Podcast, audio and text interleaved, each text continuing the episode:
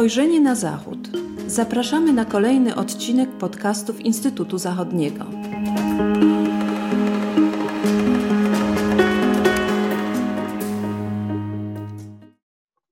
Dzień dobry. Witam Państwa w kolejnym odcinku podcastu Instytutu Zachodniego. Tematem dzisiejszej rozmowy będą kulisy i następstwa dojścia Adolfa Hitlera do władzy. Przypomnę, 30 stycznia 1933 roku Adolf Hitler otrzymał nominację kanclerską od prezydenta Paula Hindenburga. O reakcjach na to wydarzenie, o przyczynach słabości Republiki Weimarskiej i następstwach dojścia Hitlera do władzy będę rozmawiał z panem profesorem Stanisławem Żerką, historykiem, znawcą dziejów III Rzeszy, a zwłaszcza niemieckiej polityki zagranicznej tego okresu, jak i relacji polsko-niemieckich. Dodam jeszcze, że mm, niedawno no, e, wkładem wydawnictwa Instytutu Zachodniego ukazało się drugie wydanie książki pana profesora pod tytułem Niemiecka polityka zagraniczna 1933-1939. Dzień dobry, panie profesorze. Dzień dobry, panie doktorze. Ja dodam tylko, że moim gospodarzem jest doktor Piotr Kubiak, który jest także historykiem, politologiem również, ale swoją pracę doktorską poświęcił politycznym dziejom Republiki e, Weimarskiej, w związku z czym ja też do pana będę miał za chwilę kilka pytań, jak doszło do upadku e, tego tworu państwowego, jako, jakim była Republika Weimarska właśnie.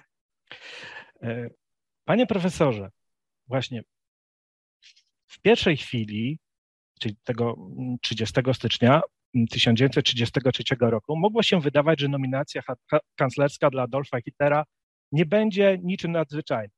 Wszak była to trzecia nominacja kanclerska w ciągu ośmiu ostatnich miesięcy w pogrążonym w kryzysie państwie weimarskim. Okazało się jednak właśnie, że ten, ta data, ten 30 stycznia 1933 roku, był początkiem czegoś nowego. Czegoś nowego, co się stało no, tutaj wielką tragedią w historii Niemiec, ale też świata. Właściwie warto się teraz tutaj najpierw zastanowić, jakie były pierwsze reakcje e, w Niemczech i na świecie w ogóle na objęcie władzy przez Adolfa Hitlera. Czy, czy to było zaskoczenie, czy oczekiwane, czy może no, dostrzegano to, te, te pewne nowum, jakim, jakim było dojście tego przywódcy tej najsilniejszej wówczas partii?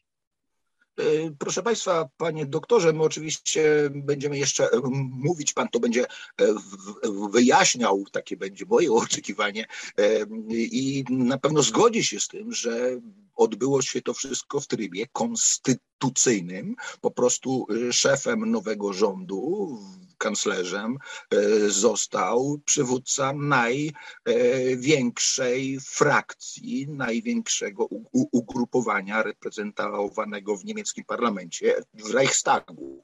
Ja te dwie perspektywy połączę. Jednak perspektywę zagraniczną, w tym przypadku polską, i perspektywę, i perspektywę wewnątrz niemiecką. Mam przed sobą tom polskich dokumentów dyplomatycznych, wydany kilka lat, bardzo obszerny, to jest prawie tysiąc e, stron, e, tom dokumentów za rok 1933, wydany kilka lat temu przez Polski Instytut Spraw Międzynarodowych. I założyłem sobie e, zakładkę na raporcie posła polskiego w Berlinie Alfreda Wysockiego z no, mniej więcej dwa tygodnie po wyborze E, Hitlera. I on rozmawia, i, i on a, a relacjonuje swoją rozmowę z jednym z najważniejszych e, urzędników w Niemczech wówczas. To jest szef kancelarii prezydenta, szef kancelarii prezydenta Hindenburga, e, Otto Meissner. I on właśnie mówi, że Polakowi, e, polskiemu posłowi, polskiemu dyplomacie, z którym Niemcy były skłócone, ale wówczas ten konflikt był bardzo e, poważny, ale wśród dyplomatów odbywa się to w inny e, sposób, ta atmosfera jest inna. I tutaj mówi ten właśnie szef kancelarii prezydenta Hindenburga, zacytuję fragment, mianowicie on twierdzi, że Hitler może być przystopowany, że Hitler właściwie nie ma aż takiej mocnej pozycji w rządzie. I tutaj za, cytuję, jest tylko według pana Meissnera ryzyko jedno, a mianowicie przedwczesna śmierć Hindenburga. I tutaj druga e, uwaga, jeżeli Hitler, tak mówi szef kancelarii Hindenburga, jeżeli Hitler, cytuję, pozostanie u władzy co najmniej przez rok, doczekamy się wszyscy nie tylko jego porażki osobistej, ale także i rozkładu stronnictwa. Po prostu ci ludzie, którzy tworzyli e, pod e, no, ten rząd, rząd nazywany wówczas rząd jedności narodowej, rząd, e, na którego czele stał Hitler, ale oprócz Hitlera w skład tego rządu wchodziło tylko dwóch przedstawicieli NSDAP, minister e, spraw wewnętrznych Wilhelm Frick i minister Besteki e, i komisaryczny zarządca na Prusy Hermann Göring, a pozostałe osobistości to byli e, przedstawiciele e, prawicy monarchistycznej, ale nie narodowo-socjalistycznej. I to jest właśnie e, to, to jest zresztą dość znana sprawa, mianowicie te nadzieje, nadzieje wojskowych, nadzieje monarchistów, nadzieje prezydenta Hindenburga, nadzieje E, niemieckich konserwatystów, że, e, że Hitler będzie marionetką tylko taką, prawda, że się skompromituje e, swym brakiem kwalifikacji i po prostu, a jeżeli się nie skompromituje, to pozostałe osobistości wchodzące w skład tego rządu będą go w stanie skutecznie kontrolować. Ja teraz cofnę się kilka stron e, w, e, w tym samym tomie znajduje się tak bardzo ciekawa, pan to, teraz pytał, e, pan pytał między innymi o, o reakcję zagranicy. I to jest raport prasowo, raport prasowy ambasady Rzeczypospolitej w Waszyngtonie 7 lutego o reakcjach prasowych na utworzenie rządu przez e, Hitlera. Cytuję. Pomimo niespodziewanego zupełnie objęcia władzy przez Hitlera w Niemczech, prasa tutejsza, czyli amerykańska, dopowiem, zachowuje zupełny spokój i nie przewiduje żadnych gwałtownych E, skutków zmiany rządu. Przyczyny takiego nastawienia szukać należy w niezwykłej popularności, jaki, jaką się cieszy tutaj, czyli w USA, prezydent Hindenburg i w przeświadczeniu, że otoczenie Hitlera przez ludzi typu von Papena, Neurata i Blomberga unieszkodliwi bardziej agresywne plany Y, Hitlera. I następny akapit. Niemniej jednak poważniejsze organy prasy dają wyraz obawom skutków tak radykalnej zmiany rządu. Nie można zaprzeczyć, pisze New York Times 31 stycznia roku 1933, a więc następnego dnia po tym, gdy Hitler został e, kanclerzem, cytuję, nie można zaprzeczyć, że Niemcy wkroczyły na drogę niebezpiecznej awantury politycznej. Poza niepokojem wytworzonym w Niemczech, może ona spowodować poważne obawy e, za granicą. I w ogóle za granicą e, te pierwsze reakcje na e, dojście Hitlera do władzy, no, na ogół cechowała niechęć, niechęć pełna obaw, no może z dwoma E, wyjątkami oczywiście we Włoszech, e, faszystowskich Włoszech komentarze prasowe e, zdominowane były przez, no, przez aprobatę niemal, a, a, niemal, niemalże, a, a, niemalże entuzjastyczną. Drugim krajem były Węgry. W innych państwach komentatorzy e, pamiętali o tym, że no, do władzy dochodzi przywódca partii najbardziej radykalnej, najbardziej hałaśliwej, najbardziej krytykującej e, traktat wersalski, ale e, uważano jednak, że ta pozycja Hitlera w nowym rządzie nie będzie zbyt silna. I tutaj wskazywano na taki w postaci jak wspomniany przeze mnie von, Franz von Papen, który był wice kanclerzem w rządzie Hitlera oraz tutaj wskazywano zwłaszcza na e, przywódcę niemieckiej nacjonalistycznej partii Deutsche Nationale Volkspartei Alfred Hugenberg.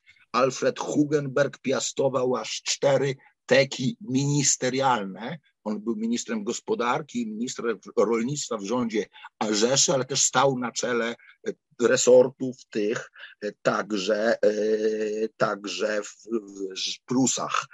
Tak więc uważano, że, no, że wszystkie opcje są otwarte, chociaż obawy oczywiście istniały.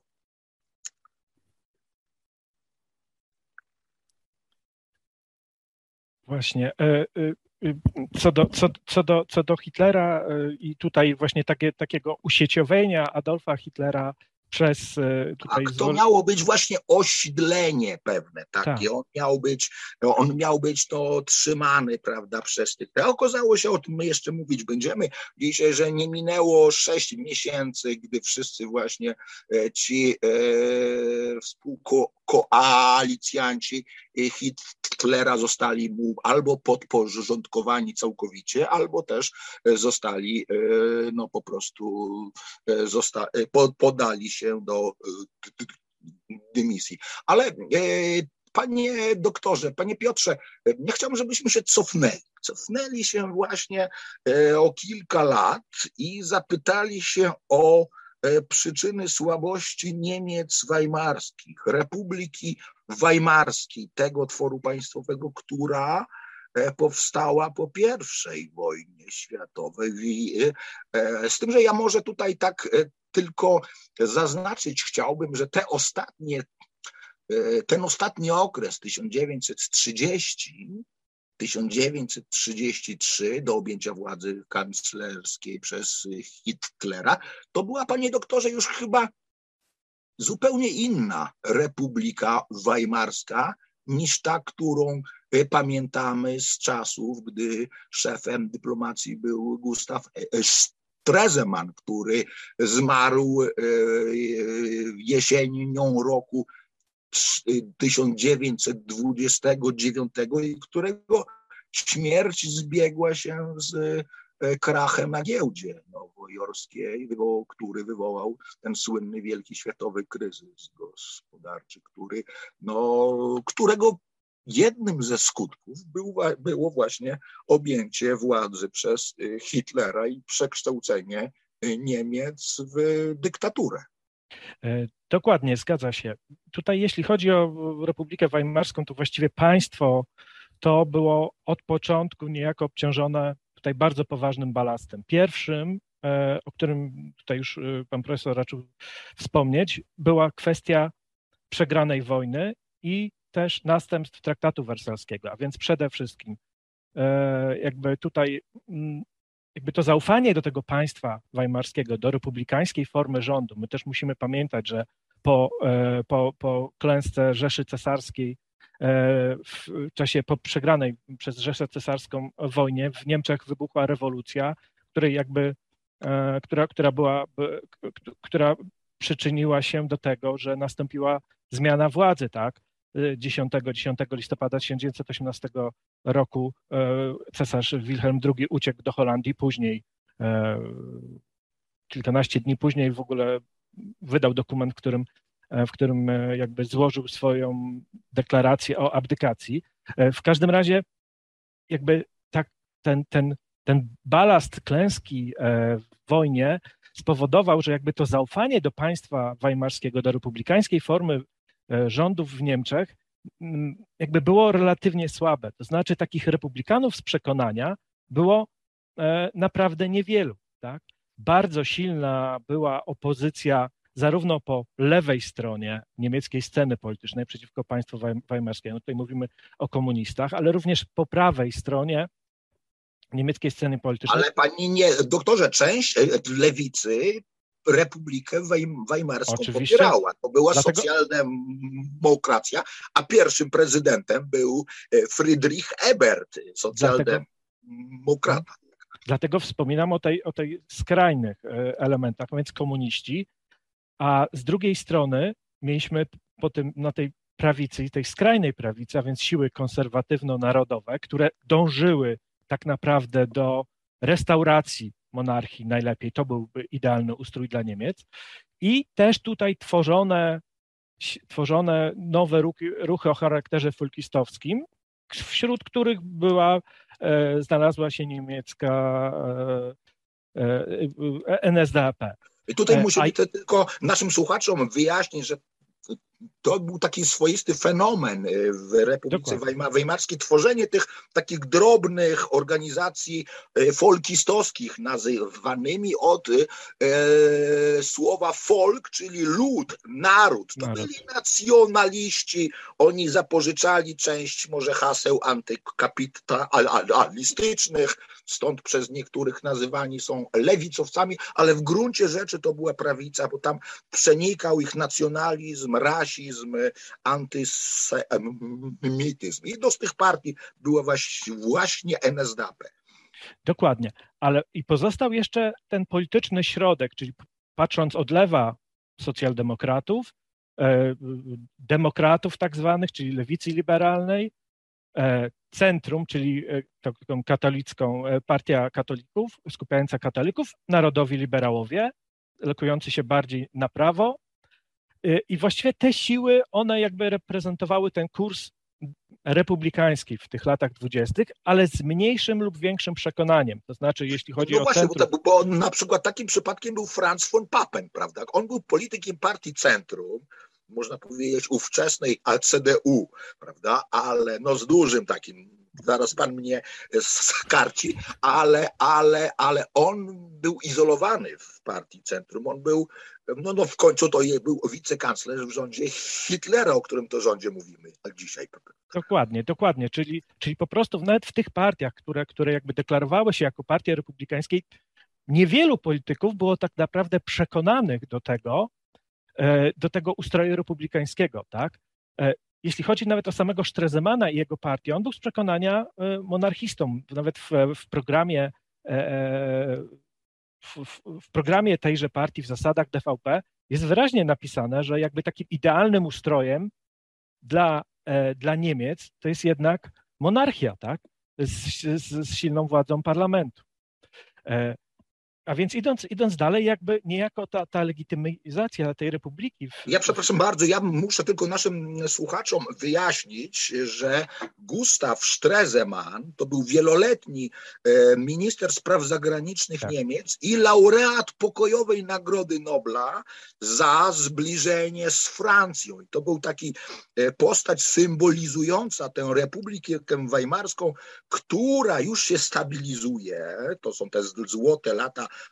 dwudzieste, kiedy to przezwyciężają Niemcy weimarskie hiperinflację, która po dziś dzień jest pamiętana. Jest takie słynne zdjęcie, jak dzieci się bawią e, e, paczkami banknotów, piramidę ustawiają. I Gustav Stresemann jest przede wszystkim symbolem tej stabilizacji w Republice Weimarskiej i stawia na, na porozumienie z Francją, a więc więc Republika Weimarska próbuje się przystosować do systemu wersalskiego, nie rezygnując z, e, z programu rewizji systemu Dokładnie. E, wersalskiego. Przepraszam za to, ale ten przypis tutaj musiał być, bo my e, badamy tę sprawę, ale nasi słuchacze mogą tutaj pewnych nazwisk nie znać. I dokładnie, iż, iż na początku istnienia Republiki Weimarskiej, no tutaj do niej z dużym dystansem podchodził, ale po roku 23, po tym, po tym kryzysie, po tej hiperinflacji, on stał się właśnie te, tego, tym, takiej symbolem takiej postawy republikanów z rozsądku, tak? czyli po prostu mm, stał się takim no, kluczową postacią tego republikańskiego systemu. Ale idąc dalej, właśnie mamy osłabienie, e, osłabienie tej legitymizacji, e, relatywnie słabą legitymizację Republiki Weimarskiej, ale też, też popatrzmy, że z każdy, Republika Weimarska była tym, była bardzo niestabilnym e, państwem, tak? W ciągu tych 14 lat niespełna istnienia jej Mm, zmieni, zmieniło się bodaj 16 czy 17 gabinetów, tak? czyli te, te rządy były relatywnie słabe. E, I paradoksem też e, te, tego okresu było to, że partie, które znajdowały się u władzy, w kolejnych wyborach traciły poparcie, tak? czyli e, jakby w oczach wyborców one się nie sprawdzały. Pomimo tego, że niejako stworzono ten system mm, konstytucyjny, ramy konstytucyjno-prawne Republiki Weimarskiej zbudowały system nowoczesnej, jak na ówczesne e, czasy demokracji, ale jednak pojawiła się z silną władzą, dosyć mocną, uwarunkowaną władzą parlamentu, który, który miał kontrolować rząd, ale pojawił się, pojawiły się dwa istotne problemy. Jeden to taki, że ta konstytucja również przewidywała sytuacje wyjątkowe, czyli kryzysowe, i w takich momentach jakby na podstawie artykułu 48 tejże konstytucji prezydent miał mógł e, za pomocą specjalnych pełnomocnic e, przyjmować dekrety z mocą ustaw. E, co za tym idzie, można było, motywując to sytuacjami wyjątkowymi, mm, jakby obejść te, te, te, te rządy parlamentarne. To się to stosowano w wyjątkowych sytuacjach, ale do 1930 roku tylko w wyjątkowych sytuacjach. Po 1930 rokiem ten artykuł 48 w połączeniu z artykułem 25, czyli możliwością rozwiązania parlamentu, stał się podstawą tak zwanych rządów prezydenckich. A więc mamy tutaj pewną taką mm, zadrę w tym, w tym, w tym, w tym takim jednolitym e, e, konstytucyjnym porządku Republiki Weimarskiej, która później jakby stanie się taką przyczyną, przyczyną tego, że e, jakby ta republika będzie słaba. No i też kolejny problem, ta republika weimarska była ciągle jakby dotykana poważnymi kryzysami, tak? Z jednej strony Ale jeszcze, mieliśmy... przepraszam bardzo, ja tylko chcę do pana dopytać w jednej kwestii. To jest pewien paradoks właśnie, tak. że od roku 30 zgodnie z konstytucją trwały rządy y, pozbawione zaplecza parlamentarnego. Przez lat mniej więcej dwa, prawda, aż do e, przejęcia władzy przez e, Hitlera 30 stycznia roku 1933. Generalnie, generalnie właściwie no, niespełna trzy lata, przy czym te pierwsze do, do, do marca, właściwie do maja 1932 rząd Bruninga bazował na pewnym poparciu parlamentarnym, to znaczy on był tolerowany przez e, większość parlamentu. Go parlament nie przez Tę, parla, e, przez tę demokratyczną część e, lewicy, jaką SPD. była socjaldemokracja tak. właśnie. Niemiecka tak... SPD w imię odpowiedzialności udzieliła poparcia rządowi Bryninga. Prawda? Tak, tolerowała go. Tolerowała go. Tolerowała. Tylko, że, tylko, że, tylko, że warto zaznaczyć też, że jednak w tym pierwszym momencie czyli na początku 30, 30 e, roku, kiedy Bryning, e, kiedy doszło do takiego konfliktu między Bryningiem a parlamentem, skutkowało to rozpisaniem w lipcu, z, z rozwiązaniem parlamentu, zresztą na mocy de, de, decyzji właśnie prezydenta artykułu 25, i, i tego, że zostały rozpisane te nowe wybory. I proszę pamiętać, to był lipiec 30 roku, moment, kiedy ten światowy kryzys gospodarczy roku 29 zaczął skutkować na Niemcy. Niemcy, które w związku z płaconymi reparacjami e, i także tej, tymi kredytami, które Niemcy zaciągały e, głównie ze Stanów Zjednoczonych na pobudzenie gospodarki, właśnie ten kryzys odbył się szczególnie na Niemczech w tym czasie, tak? I on właściwie skutkował, tutaj były bardzo poważne następstwa wynika, e, wiążące się z wysokim bezrobociem, również osłabieniem sytuacji bardzo mocnych Republice to bezrobocie nie było wysokie, ono było ogromne po prostu. No dokładnie. I, tak. to, I to bezrobocie regularnie rosło. I w, w każdym razie jakby to nałożenie się tych wszystkich problemów e, w, e, po 1930 roku powodowało, że właściwie mm, mało kto widział już w tych do, tradycyjnych partiach e, jakby taką siłę, która może będzie w stanie uratować czy też odnowić ten istniejący porządek. I wówczas właśnie do gry weszły te tak zwane konserwatywne elity, trochę stojące z boku, skupione wokół prezydenta od 25 roku, prezydenta Hindenburga, który z jednej strony jako wybrany przez naród tak, w 25 roku i później w 32 miał relatywnie miał silną legitymizację społeczną i też korzystał właśnie ze swoich uprawnień, e, jakby e, dzięki temu, dzięki jego, jego rozporządzeniom rząd rząd prezydencki, rząd Brüninga, później Papena i, i na końcu Schleichera, no i aż do Hitlera, mogły, mogły e, tutaj obok parlamentu e, funkcjonować i realizować rząd, e, realizować, przepraszam, mm, prze, prze, przeprowadzać ustawy bez zgody parlamentu, tak? Czyli praktycznie w 32, ja powiem tylko tyle, że w 32 chyba Reichstag przez 13 dni obradował i tylko pięć ustaw uchwalił. Tak? Czyli po prostu stawał się niepotrzebny parlament.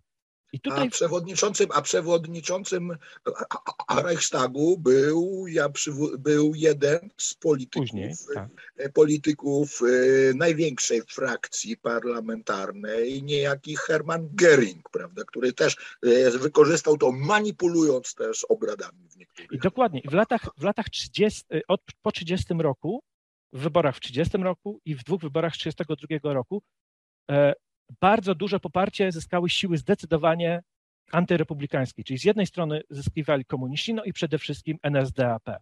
Ale e, poparcie dla NSDAP jednak było zdecydowanie większe niż... Zdecydowanie, oczywiście tak, większe. Tak bo to jednak Najpierw... była pierwsza partia, pierwsza partia e, w, w, roku, oni chyba w roku 32 zostali tą pierwszą partią. Tak, tak, bo w, zresztą paradoks, w wyborach 28 roku dostali 2,6%, później w 30 18%, a w 32 w, wyborach z lipca już 37%.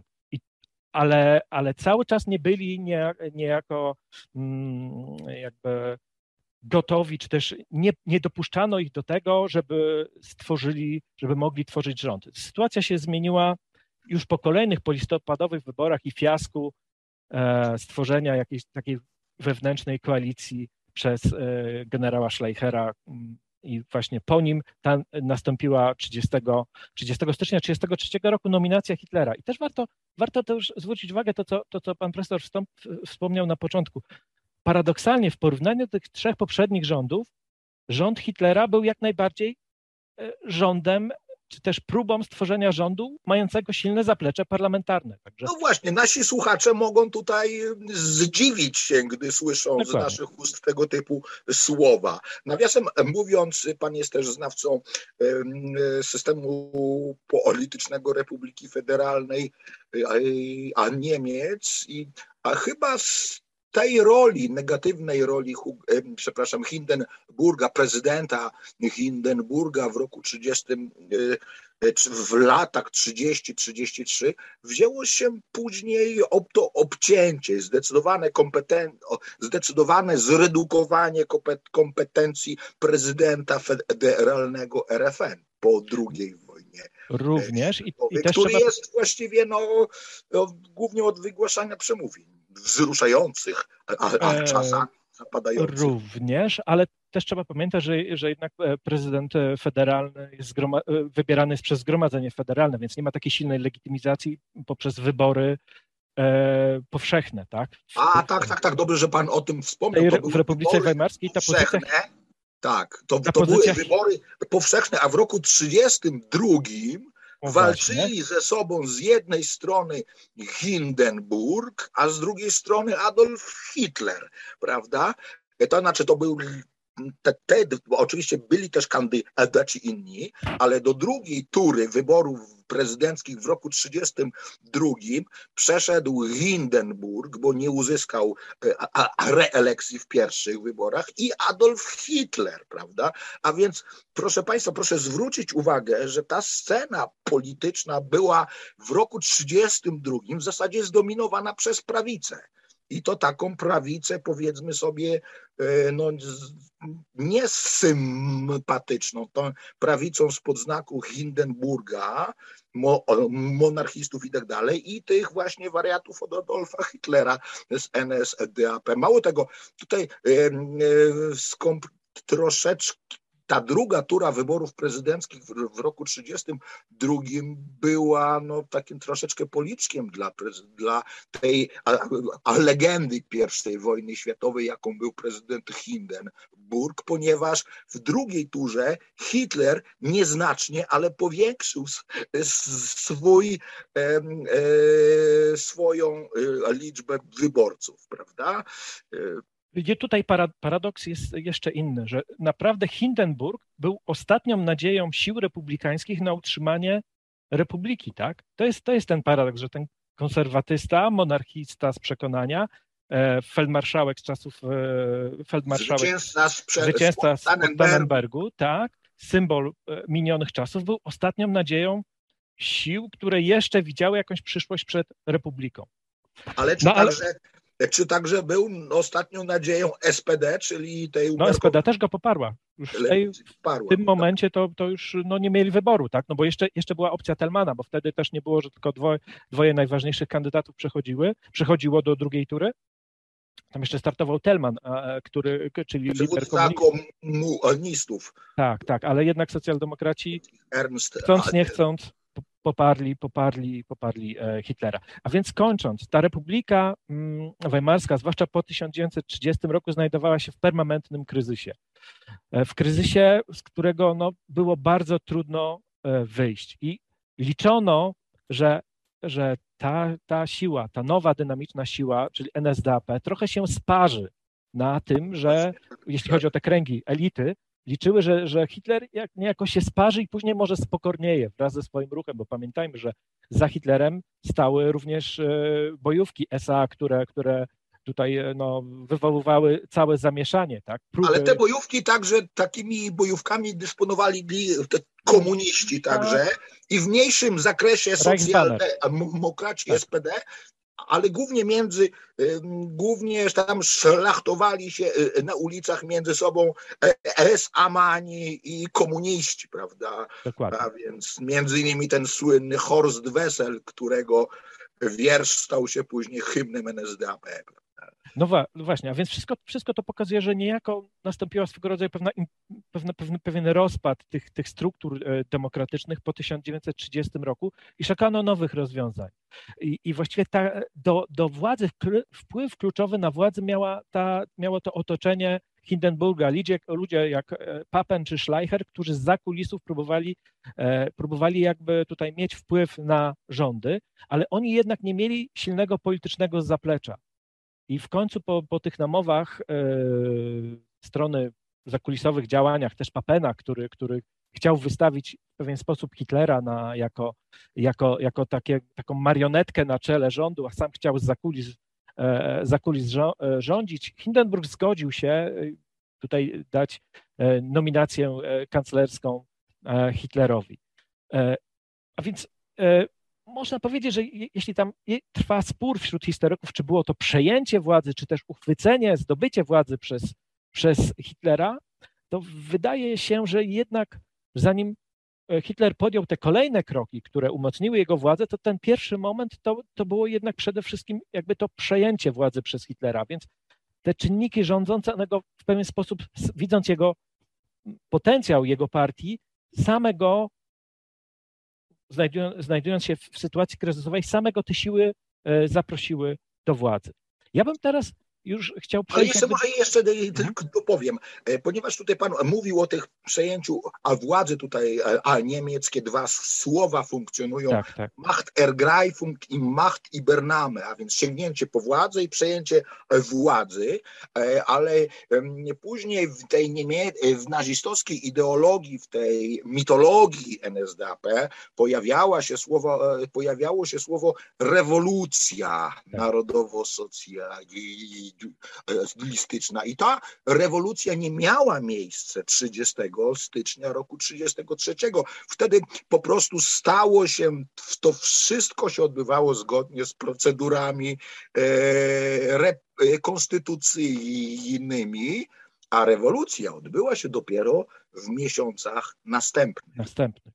I właśnie o te następne miesiące chciałem zapytać pana profesora, jak, jak to się stało, że właściwie, że ten Hitler, który, który miał być marionetką, nagle okazało się, że zdołał wyeliminować wszystkich konkurentów e, we władzy i umocnić o, o władzę i umocnić swoją pozycję na czele państwa przez te, przez te kolejne jakby miesiące i również spowodować właśnie, że, że Niemcy no, stały się kolejnych latach bardzo ważnym, rozgrywającym na niemieckiej, na europejskiej scenie politycznej. To jest oczywiście, ja się uchylę tutaj od odpowiedzi na to pytanie, które jest bardzo obszerne. Na ten temat jest biblioteka ogromna. Proszę Państwa, e, niewiarygodna jest biblioteka książek wydanych w Polsce w przekładach, czy to autorów tak.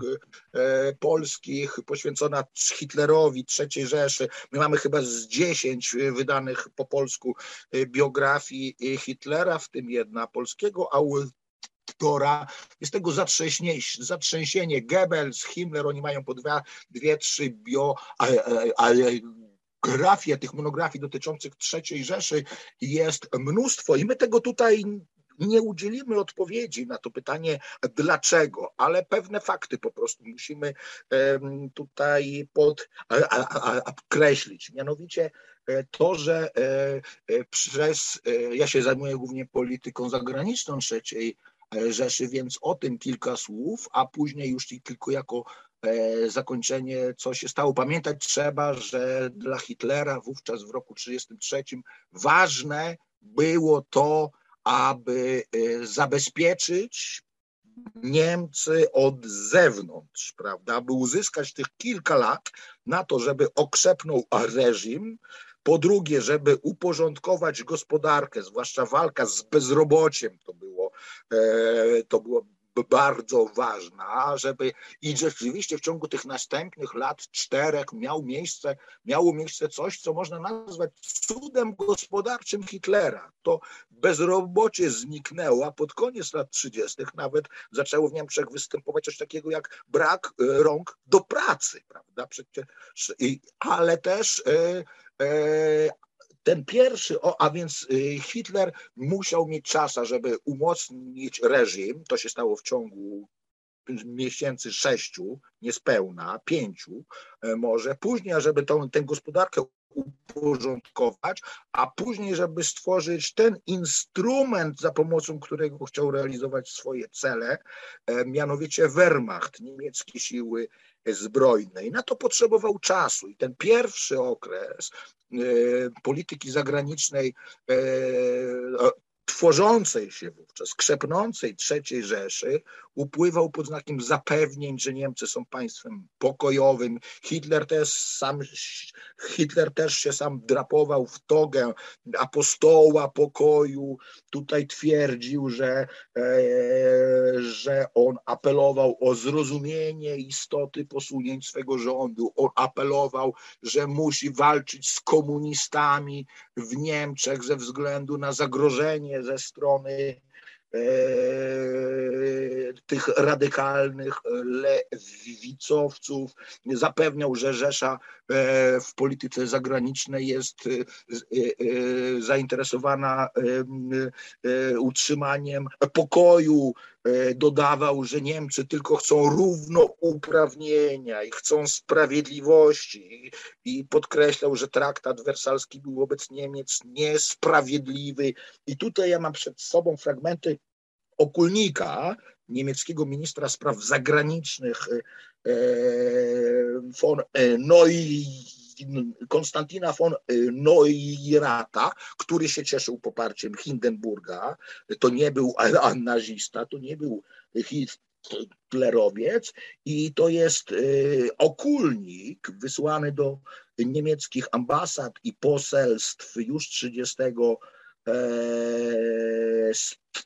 stycznia, przepraszam, to nie był okulnik e, Neurata, czyli ale jego zastępcy, wiceministra Bernarda von Bilowa i on e, nakazywał swym podwładnym, aby oddziaływać na zagranicznych rozmówców uspokajająco.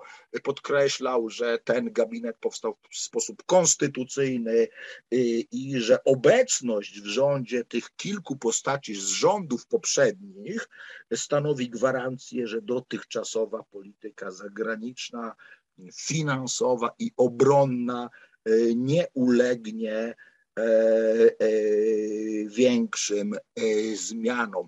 A proszę, i na to się nabrano. Ja tylko przypomnę, że dwa miesiące mniej więcej po dojściu Hitlera do władzy przywódcy w Wielkiej Brytanii, Francji zaczęli się interesować propozycją włoską, propozycją Duce. Mussolini zaproponował pakt czterech cztery państwa: Niemcy, Włochy, Wielka Brytania i Francja. Niemcy hitlerowskie, powtórzę, miały współdecydować o losach Europy, a, a więc udało się Hitlerowi. Nie będę wchodził E, w szczegóły oczywiście na Zachodzie, na demokratycznym Zachodzie panowało oburzenie tymi ekscesami, które się później odbywały, a więc e, tworzenie obozów koncentracyjnych w Niemczech, akcje antyasemickie, tutaj oburzenie takim e, wielkie oburzenie wywołała kwietniowa akcja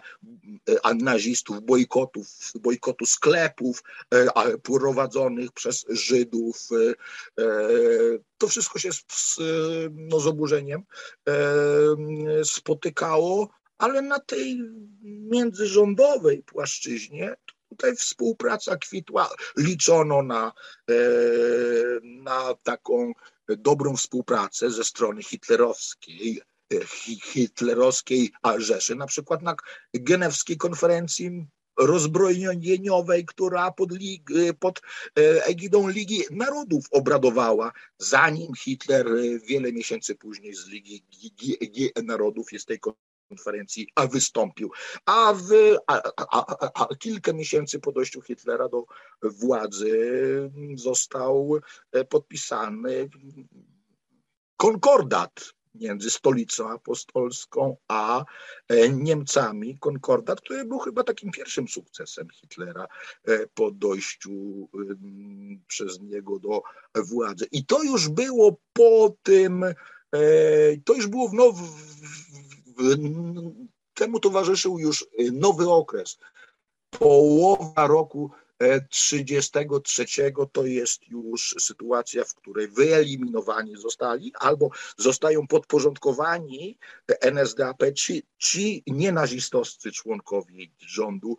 Partie e, nienazistowskie są albo zakazywane, albo rozwiązują się same, prawda? I a, a latem roku 33 NSDAP już jest jedyną e, partią legalnie działającą w Niemczech. Ale dodam, że to nie jest jeszcze e, początek jedynowładztwa Hitlera. Mianowicie tutaj takie, taka postać jak Gregor Strasser i Ernst Rehm, to jest ta lewica, nazistowska lewica, która wówczas, gdy już władza NSDAP jest utrwalona, oni uważają, że zakończyła się tylko pierwsza faza rewolucji narodowo-socjalistycznej. I teraz należy rozpocząć drugą fazę y, socjalistyczną właśnie a więc z jednej strony to jest no, ta takie przebudowa systemu gospodarczego w duchu właśnie podporządkowania biznesu e, partii, a z drugiej strony e, podporządkowanie partii E, wojska. Znaczy wojsko miało być zastąpione przez, może nie zastąpione, ale wojsko miało stać się bezwolnym ramieniem NSDAP. I Hitler na to nie poszedł. I w związku z tym no, doszło do tych słynnych wydarzeń zwanych e, nocą długich noży. To jest 30 czerwca roku 1934 Zamordowany został nie tylko Ernst Röhm, szef sztabu SA, ten właśnie główny rywal Hitlera wówczas chyba i główny zwolennik tej opcji socjalistycznej w NSDAP, ale między innymi został zamordowany Kurt Schleicher, kanclerz rządu, którego, który to rząd został zastąpiony 30 stycznia roku 33, a więc równo 90 lat temu przez Hitlera. I jeszcze dodam tylko, że niedługo później Kilka tygodni później zmarł prezydent Paul von Hindenburg i e, urząd prezydenta przestał w Niemczech istnieć i moim zdaniem jest to ta, ten ostatni etap w tworzeniu trzeciej Rzeszy. Hitler został nie tylko szefem rządu, ale głową państwa. Führer und Reichskanzler. To ta nazwa prezydenta zniknęła. Wówczaz Hitler był zarówno szefem rządu, jak i głową państwa. Nawiasem, a mówiąc, przeglądałem e, dokumenty e, z, z roku 1939, polskie dokumenty, gdy doszło już do konfrontacji polsko-niemieckiej na kilka miesięcy przed wybuchem II wojny światowej, znaczy używamy tego słowa wybuch trochę tak na wyrost. To nie był wybuch, tak jak pierwsza wojna światowa, to było a, a, a rozpętanie świadome tej wojny przez Niemcy hitlerowskie. I tam się pojawiła taka opinia, mianowicie gdzieś Hitlera zaatakowano na znaczy obrażono podczas jednej z demonstracji antyniemieckich w Polsce. Dyplomat niemiecki się e, zgłosił do polskiego MSZ na Wierzbowej, do pałacu I zaprotestował przeciwko obrażeniu przez demonstrantów głowy państwa, co było e, czynem karalnym w II Rzeczypospolitej, zgodnie z postanowieniami, e, postanowieniami e, prawa międzynarodowego. No i odpowiedziano mu, że Hitler został obrażony nie jako głowa państwa, lecz tylko jako szef niemieckiego rządu, więc tutaj krytyce podlegać mógł. E, e, bardzo dziękuję za, za tą interesującą wypowiedź i, i takie e, no, ciekawe rezime. Ja po, powiem tylko tyle, że właściwie dla mnie kluczowe dla tego umocnienia władzy nazistów były te pierwsze właściwie 4-5 miesięcy po objęciu władzy przez Hitlera. Ja powiem tylko krótko, że Hitler zgodził się na objęcie władzy y, tylko pod warunkiem, że będą rozpisane nowe wybory.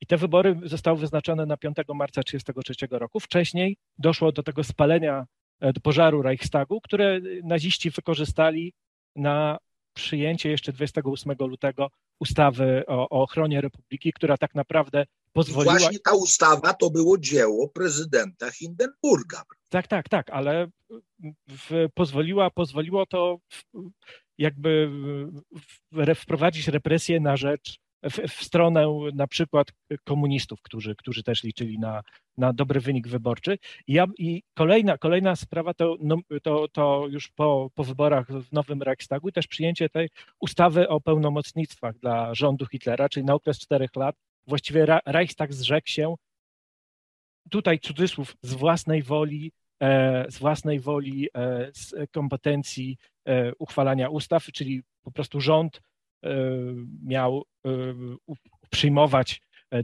dekrety, które miały formę ustaw, tak? Czyli niejako było samobójstwo parlamentu. I kolejne miesiące, to jest, to jest właściwie maj, kiedy, kiedy Hitler i NSDAP organizują obchody 1 maja, zgadza się na obchody 1 maja, a zaraz drugiego rozwiązuje związki zawodowe i później kolejny miesiąc, to jest czerwiec, lipiec, kiedy rozwiązywane są po kolei partie polityczne i ten, ten konkordat, o którym wspomniał pan profesor, to jest, był pewien taki wabik dla e, partii Centrum, tak? która, która, które tam jeden z warunków dla, dla prałata Kaza było, e, żeby no, ten konkordat został, został zawarty. Więc tak naprawdę w ciągu tych kilku miesięcy została usunięta cała opozycja, a po śmierci Hindenburga Hitler zyskał pełnię władzy w Niemczech.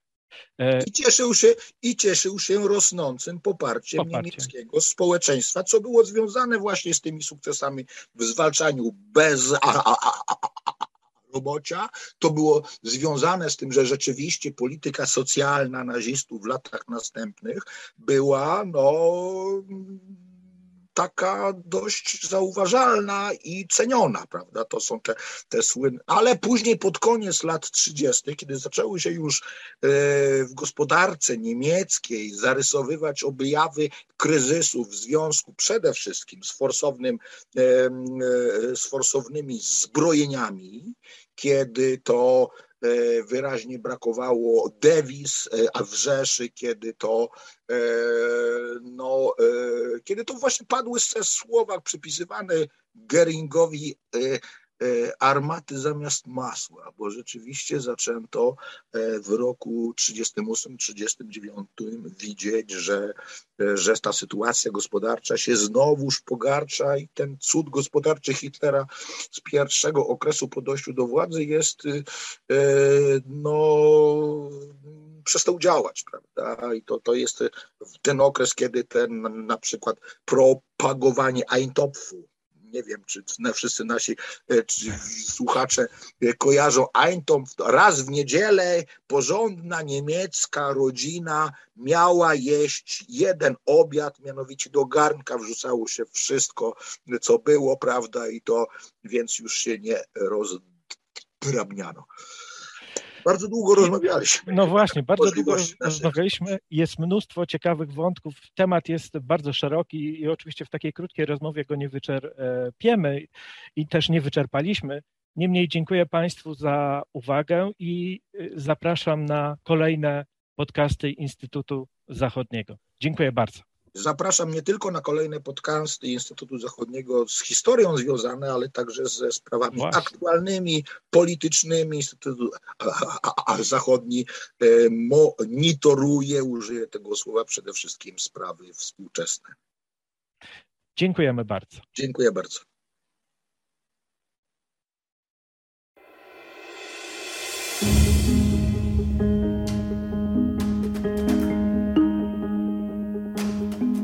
Spojrzenie na Zachód. Podcasty Instytutu Zachodniego. Podcasty Instytutu Zachodniego dostępne są na platformach Spotify, SoundCloud i Apple Podcasts oraz na portalu YouTube. Zapraszamy do subskrypcji. Dzięki niej będą Państwo na bieżąco z wszystkimi naszymi nagraniami. Do usłyszenia.